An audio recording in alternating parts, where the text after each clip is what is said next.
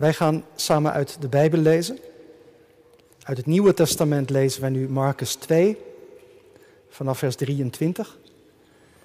Daarna zingen en lezen wij Psalm 92. Over die psalm gaat de preek. Dus na de eerste lezing uit Marcus 2 zingen wij het eerste couplet van Psalm 92 uit de nieuwe berijming. Daarna lezen wij verder in de onberijmde psalm de versen 4 tot en met 14. En daarna zingen wij de berijming vers 8. Eerst het evangelie, Marcus 2 vanaf vers 23. En het gebeurde dat hij, Jezus, op een sabbat door de korenvelden ging en zijn discipelen begonnen onder het lopen een arend te plukken. En de fariseeën zeiden tegen hem, zie waarom doen zij op de sabbat iets wat niet geoorloofd is? En hij zei tegen hen, hebt u nooit gelezen wat David deed toen hij in nood verkeerde en hij honger had en zij die bij hem waren? Hoe hij het huis van God binnengegaan is ten tijde van Abjatar, de hoge priester en de toonbroden gegeten heeft die niemand mag eten, behalve de priesters, en ze ook gegeven heeft aan hen die bij hem waren. En hij zei tegen hen, de Sabbat is gemaakt ter wille van de mens, niet de mens ter wille van de Sabbat. Daarom, de Zoon des Mensen is Heer, ook van de Sabbat. Tot zover de eerste lezing. Psalm 2, vers 4 begint bij vers 2. Het is goed om de Heer te loven op het tiensnarig instrument en op de luid, bij snarenspel en op de harp. Want u hebt mij verblijd, Heer, met uw daden. Ik zal vrolijk zingen over de werken van uw handen. Heere, hoe groot zijn uw werken? Zeer diep zijn uw gedachten. Een onverstandig man weet hier niets van. En een dwaas begrijpt dit niet. Wanneer de goddelozen groeien als gras en alle die onrecht bedrijven bloeien, om tot in eeuwigheid weggevaagd te worden. Maar u bent de Allerhoogste, voor eeuwig de Heere. Want zie uw vijanden, Heere, want zie uw vijanden zullen omkomen. Allen die onrecht bedrijven, zullen overal verspreid worden. Maar u zult mijn hoorn opheffen als die van een wilde os. Ik ben met verse olie overgoten. Mijn oog zal de val aanschouwen van hen die mij bespieden. Mijn oren zullen horen wat de kwaaddoeners overkomt, die tegen mij opstaan. De rechtvaardige zal groeien als een palmboom. Hij zal opgroeien als een ceder op de Libanon. Die in het huis van de Heere geplant zijn, die mogen groeien in de voorhoven van onze God.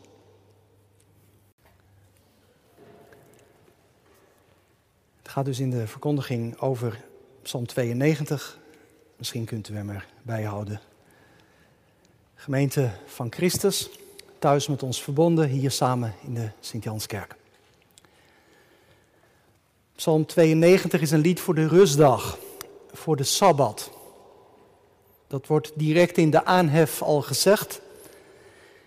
En deze psalm is daarmee gelijk ook de enige die bestemd is voor één bepaalde dag in de week. Een lied voor de Sabbat. Dat geeft natuurlijk gelijk ook even te denken, want wij vieren als christelijke gemeente de Sabbat niet, maar komen op zondag bij elkaar. Als wij dit lied lezen en zingen, is het goed om ons daar ook rekenschap van te geven. Ik zal daar zo ook nog even op terugkomen. Maar het eerste dat ik wil benadrukken is dat die Sabbat al met de schepping gegeven is. En daarmee dus een geschenk is aan alle mensen. In Genesis 1 en 2, waar Gods scheppingswerk zich ontvouwt, wordt na zes dagen gezegd God rustte op de zevende dag. Daar loopt de schepping op uit. Je mag gerust zeggen, dat is het hoogtepunt. Niet de mens is de kroon van de schepping, maar de rustdag.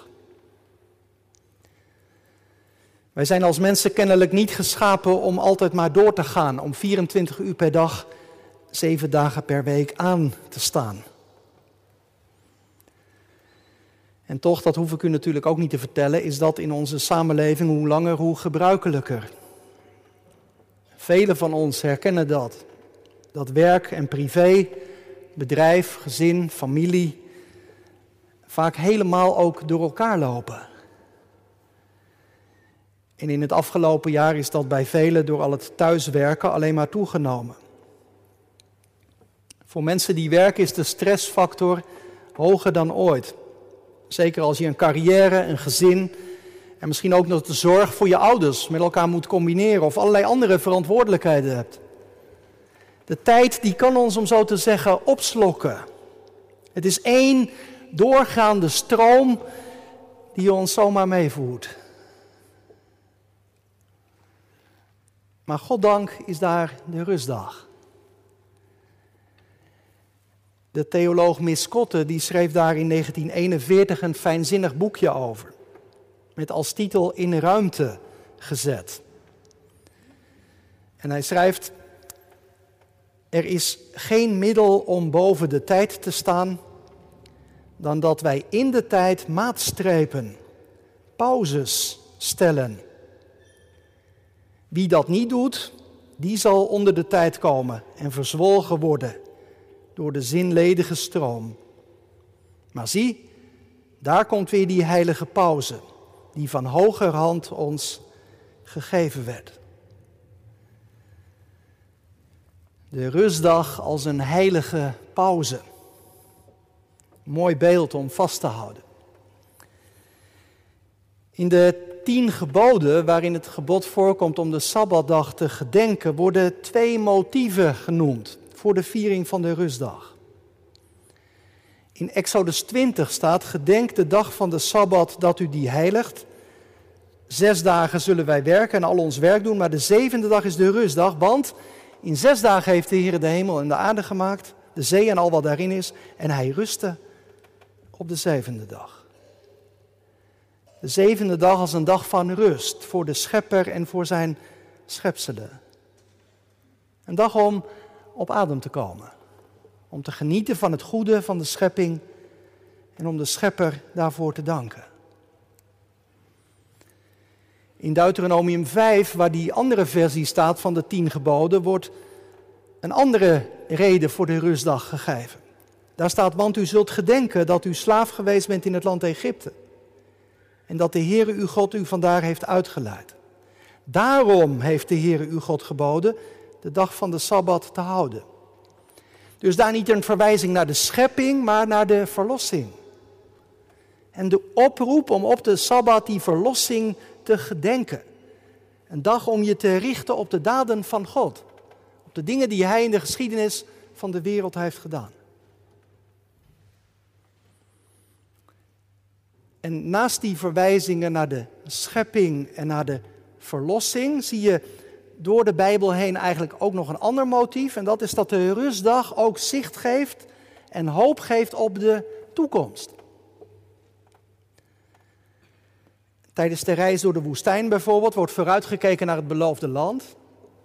Onder het beeld van de rust, van de Sabbat. Daar is de volkomen rust. Daar is het volk naar onderweg. En later wordt die lijn als het ware nog verder doorgetrokken. De Sabbat herinnert ons aan de goede schepping, maar verwijst ons ook naar de toekomstige rust van de nieuwe aarde. Zo staat het in Hebreeën 4 bijvoorbeeld. Er wacht het volk van God nog steeds een Sabbatsrust. Nou ja, in de Bijbel merk je dus dat er eigenlijk heel positief en mooi wordt gesproken over die rustdag keerzijde is dat je ook wel merkt dat die rustdag telkens onder druk staat. Dat zie je met name ook wel bij Jezus. Die voert rond de Sabbat vaak strijd. Hij keert zich bijvoorbeeld tegen een wettische invulling van de Sabbat. Een invulling die vooral gekenmerkt werd door het je moeten houden aan regels en geboden. Nou ja, wij lazen dat met elkaar. Jezus zegt, de mens is er niet voor de Sabbat, maar de Sabbat voor de mens. Een geschenk een geschenk van God. Maar waarom vieren wij als christenen dan de Sabbat niet? Nou ja, hoe dat sowieso precies in de geschiedenis is gegaan, dat is nog helemaal niet zo makkelijk te zeggen. Maar wat wel heel duidelijk is, is dat de eerste christenen zo onder de indruk waren van de opstanding van Christus, dat ze elkaar op die dag begonnen op te zoeken. Dat lees je voortdurend. Als Jezus verschijnt, dan staat het steeds op de eerste dag van de week. De eerste dag van de week, de zondag, werd tot de feestdag. En de zondag werd daarmee ook nog meer dan de Sabbat een dag van hoop. Door de opstanding van Christus zien wij uit naar de toekomst die nog in het verschiet ligt. De eeuwige rust. En tegelijkertijd hoeven wij daarmee volgens mij geen streep te zetten door de Sabbat, integendeel. Ik denk dat wij in onze viering van de zondag ook allerlei elementen kunnen meenemen. Die een rol spelen bij de viering van de Sabbat. En laten we op die manier vanmiddag kijken naar Psalm 92. Naar wat deze psalm zegt over de viering van de rustdag. Vind Psalm 92 altijd een prachtig lied met een heerlijke melodie. Maar het is, als je er wat meer induikt, ook een lied dat heel kunstig is opgebouwd. Het hart van de psalm, dat zie je eigenlijk nou niet zo in hoe de Statenvertaling heeft gerangschikt, maar het hart van de psalm ligt in vers 9. Dat is het kernvers dat ook echt in het midden staat. Maar u bent de Allerhoogste voor eeuwig de Heere. Dat is het hart van dit lied. Een beleidenis van wie God is. U bent de Allerhoogste voor eeuwig de Heere. En dan als een schil daaromheen liggen de versen 8 en 10 over de ondergang van Gods vijanden, de mensen die onrecht bedrijven. En daar weer omheen, de versen 2 tot 7 aan de ene kant en 11 tot 16 aan de andere kant, die vergelijkbare thema's aan de orde stellen. Als ik het goed zie, gaat het in deze psalm eigenlijk over drie V's. In ieder geval, dat helpt volgens mij ook om het wat voor jezelf scherp te houden. Eh, het gaat dan in het midden over die vijanden en dan in het eerste deel over de vreugde en in het slotdeel over de vrucht. De vijanden, de vreugde en de vrucht, maar eerst het hart en dat is vers 9. U bent de Allerhoogste, voor eeuwig de Heere. De Allerhoogste, dat, dat duidt op de, op de ruimte waar God leeft en van waaruit Hij zijn daden doet. Hij is de verhevene. Niemand kan hem, om zo te zeggen, bedreigen in zijn positie. Niemand kan hem van de troon stoten. En die uitdrukking dat God de Allerhoogste is, of een hoge plaats, zo wordt het ook wel vertaald, die wordt vaak gebruikt als God zijn macht inzet voor mensen die in nood zijn. Vanuit de hoge is het God die redt. En vanuit de hoge is het ook God die zich keert tegen mensen die kwaad doen. Er spelen bij dit vers, zou je kunnen zeggen, allerlei motieven van God als koning. En dan zie je ook hoe mooi dat eigenlijk is, dat in dat psalmenboek toch ook weer een bepaalde rangschikking is gemaakt van groepen van psalmen. Want hier wordt, om zo te zeggen, dat thema van God als koning al even aangestipt. Maar als je dan verder leest, psalm 93, 94 tot en met 100, die gaan helemaal over dat thema van het koningschap van God. U bent de Allerhoogste, voor eeuwig de Heere. De rustdag die zet ons daarbij stil. Wij komen als gemeente samen in de kerk, wij zijn thuis verbonden om dat weer te horen. Om daarbij stilgezet te worden dat er een God is die hoog verheven is, die van eeuwigheid tot eeuwigheid God is. En die tegelijkertijd in liefde betrokken is op deze wereld. In liefde betrokken op jou en mijn leven. Het loopt deze God nooit uit de hand. Want Hij is de Allerhoogste. Hij regeert. Maar je merkt tegelijk dat die beleidenis in deze psalm ook een aangevochten beleidenis is. En daarmee komen we bij de eerste V. Er zijn vijanden. Er zijn goddelozen. Zij groeien als gras. De mensen die onrecht bedrijven, ze bloeien, wordt er gezegd. Ook vers 10, hè, sprake van vijanden, van mensen die onrecht bedrijven.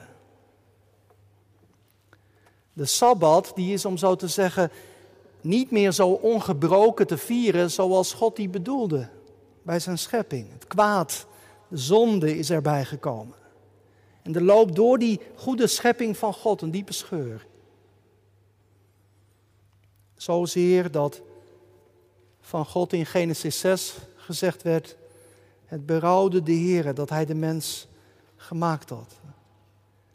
Het kwade groeit en bloeit. Mensen worden op klaarlichte dag doodgeschoten. Leiders misbruiken hun macht. Mensen kleineren elkaar. Op school worden kinderen gepest. Soms zozeer dat kinderen daar een leven lang last van kunnen hebben. Het scheppingswerk van God wordt bezoedeld en vertrapt. Het berouwde de Heer dat Hij de mens had gemaakt. En je zou kunnen zeggen dat op die rustdag wij ons dat berouw van God aantrekken. Maar dat we er tegelijk ook aan worden herinnerd. Het zal niet altijd zo doorgaan.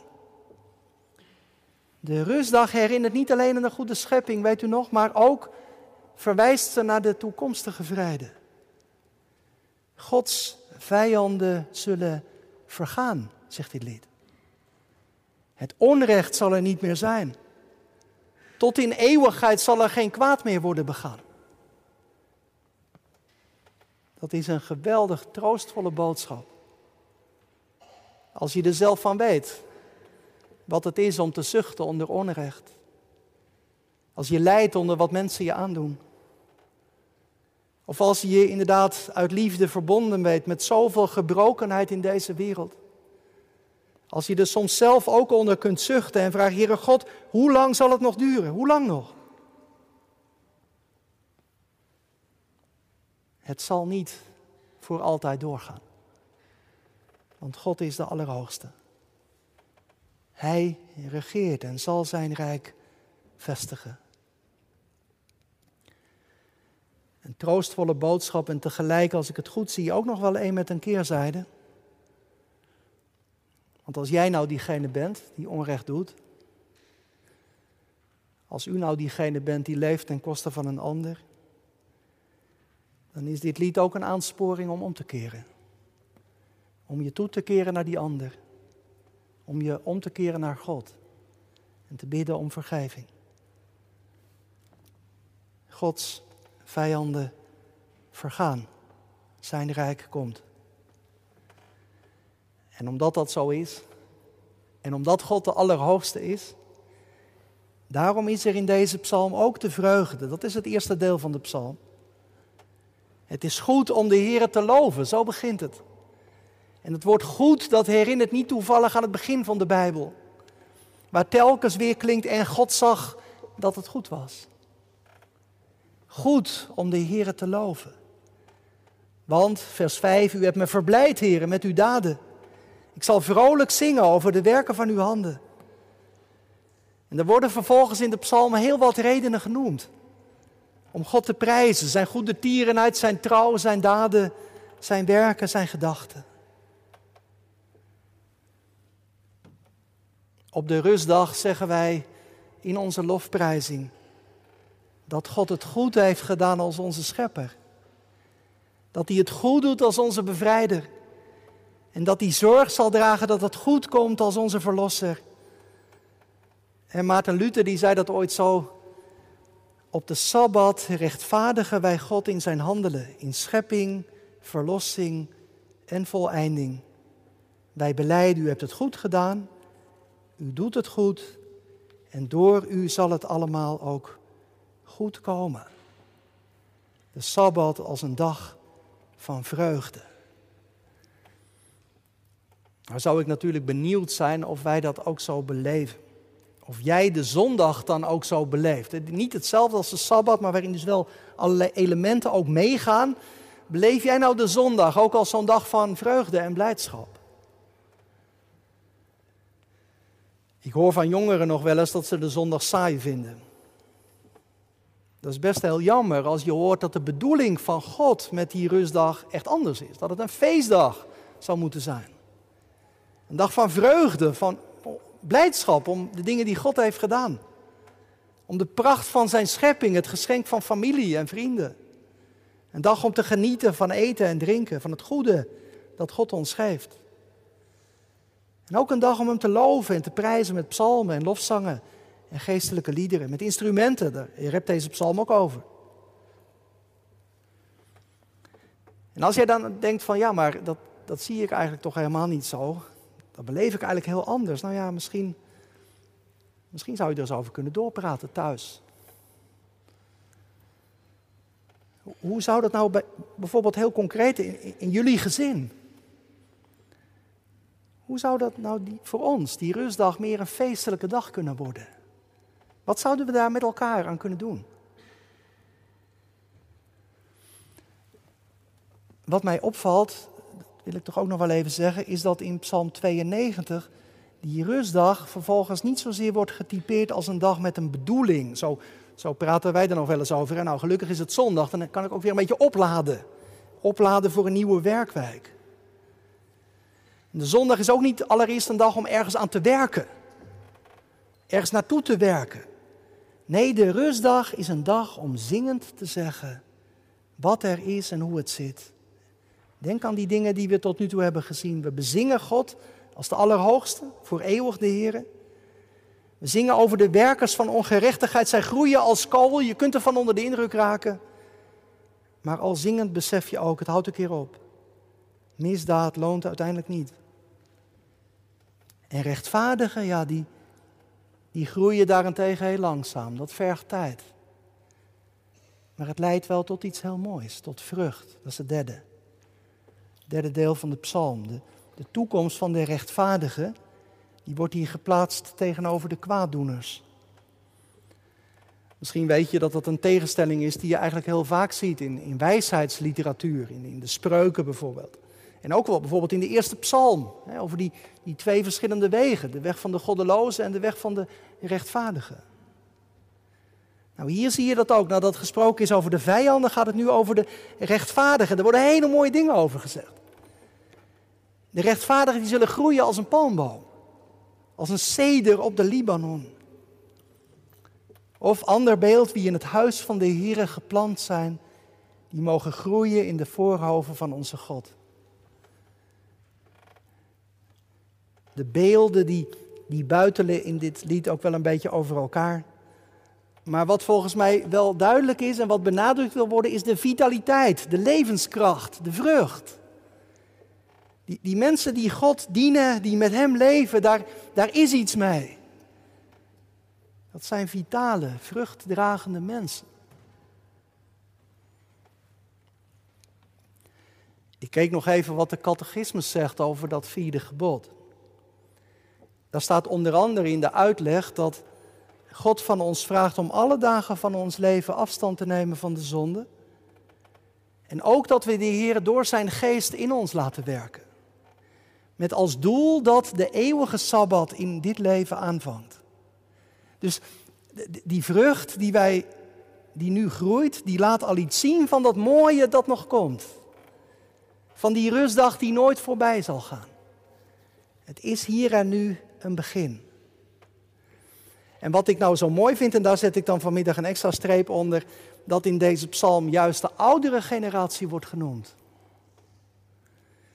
Dat valt mij altijd weer op, hoe positief de Bijbel spreekt over ouderen. Dat is heel anders dan wij in onze samenleving gewend zijn. Daar zijn ouderen vaak degene die niet meer helemaal meedoen, of helemaal niet meer. Die aan de zijlijn staan die soms ook vooral lastig zijn en geld kosten, in ieder geval in de beeldvormingen, die is er nog echt geïnteresseerd in hun verhalen, in wat zij leerden in het leven. Misschien herkent u dat zelf wel. Je voelt je uitgerangeerd, niet meer echt van betekenis. Wat zou het nou mooi zijn als dat in de gemeente anders was? God schenkt ons zoveel in de ouderen van de gemeente. Ik denk aan die oudere vrouw die al jaren alleen is. Ze vertelt dat ze iedere dag bidt voor haar kinderen en kleinkinderen. Maar dan stop ik niet hoor, zegt ze. Dan bid ik ook altijd voor de kinderen van de gemeente. Dat ze het geloof bewaren, dat ze staande blijven in deze ingewikkelde tijden. Ik denk aan die man die altijd alleen is gebleven, maar die zijn ouders tot op hoge leeftijd verzorgde. Dat was niet altijd makkelijk, zei hij, maar ik zag het als mijn roeping. En iedere dag weer kreeg ik de kracht voor van God. Zou ik het aan u als oudere generatie mogen vragen? Hoe, hoe draagt u nou vrucht?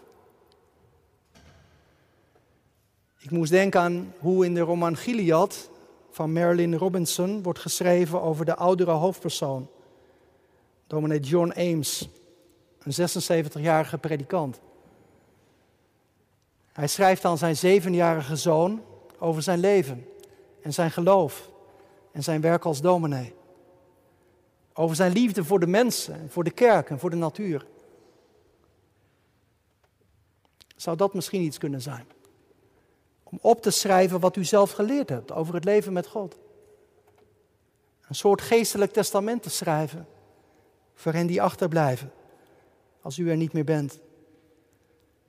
En als je dan toch aan het schrijven bent, zou je daar dan soms ook niet iets over vertellen? Iets delen van wat God aan je geschonken heeft. En nee, dat begrijpt u wel, hè? Dan gaat het niet over jezelf, om jezelf een beetje te etaleren. Dat is, mooi van hoe de psalm eindigt. Het gaat erom dat God aan zijn eer komt. Om te verkondigen dat de Heer waarachtig is. Hij is mijn rots. In hem is geen onrecht. Alle eer aan God. Een psalm, een lied op de Sabbatdag. Maar zeker ook een lied om vandaag te zingen op zondag. Want door Christus mogen wij ook meezingen met dit lied.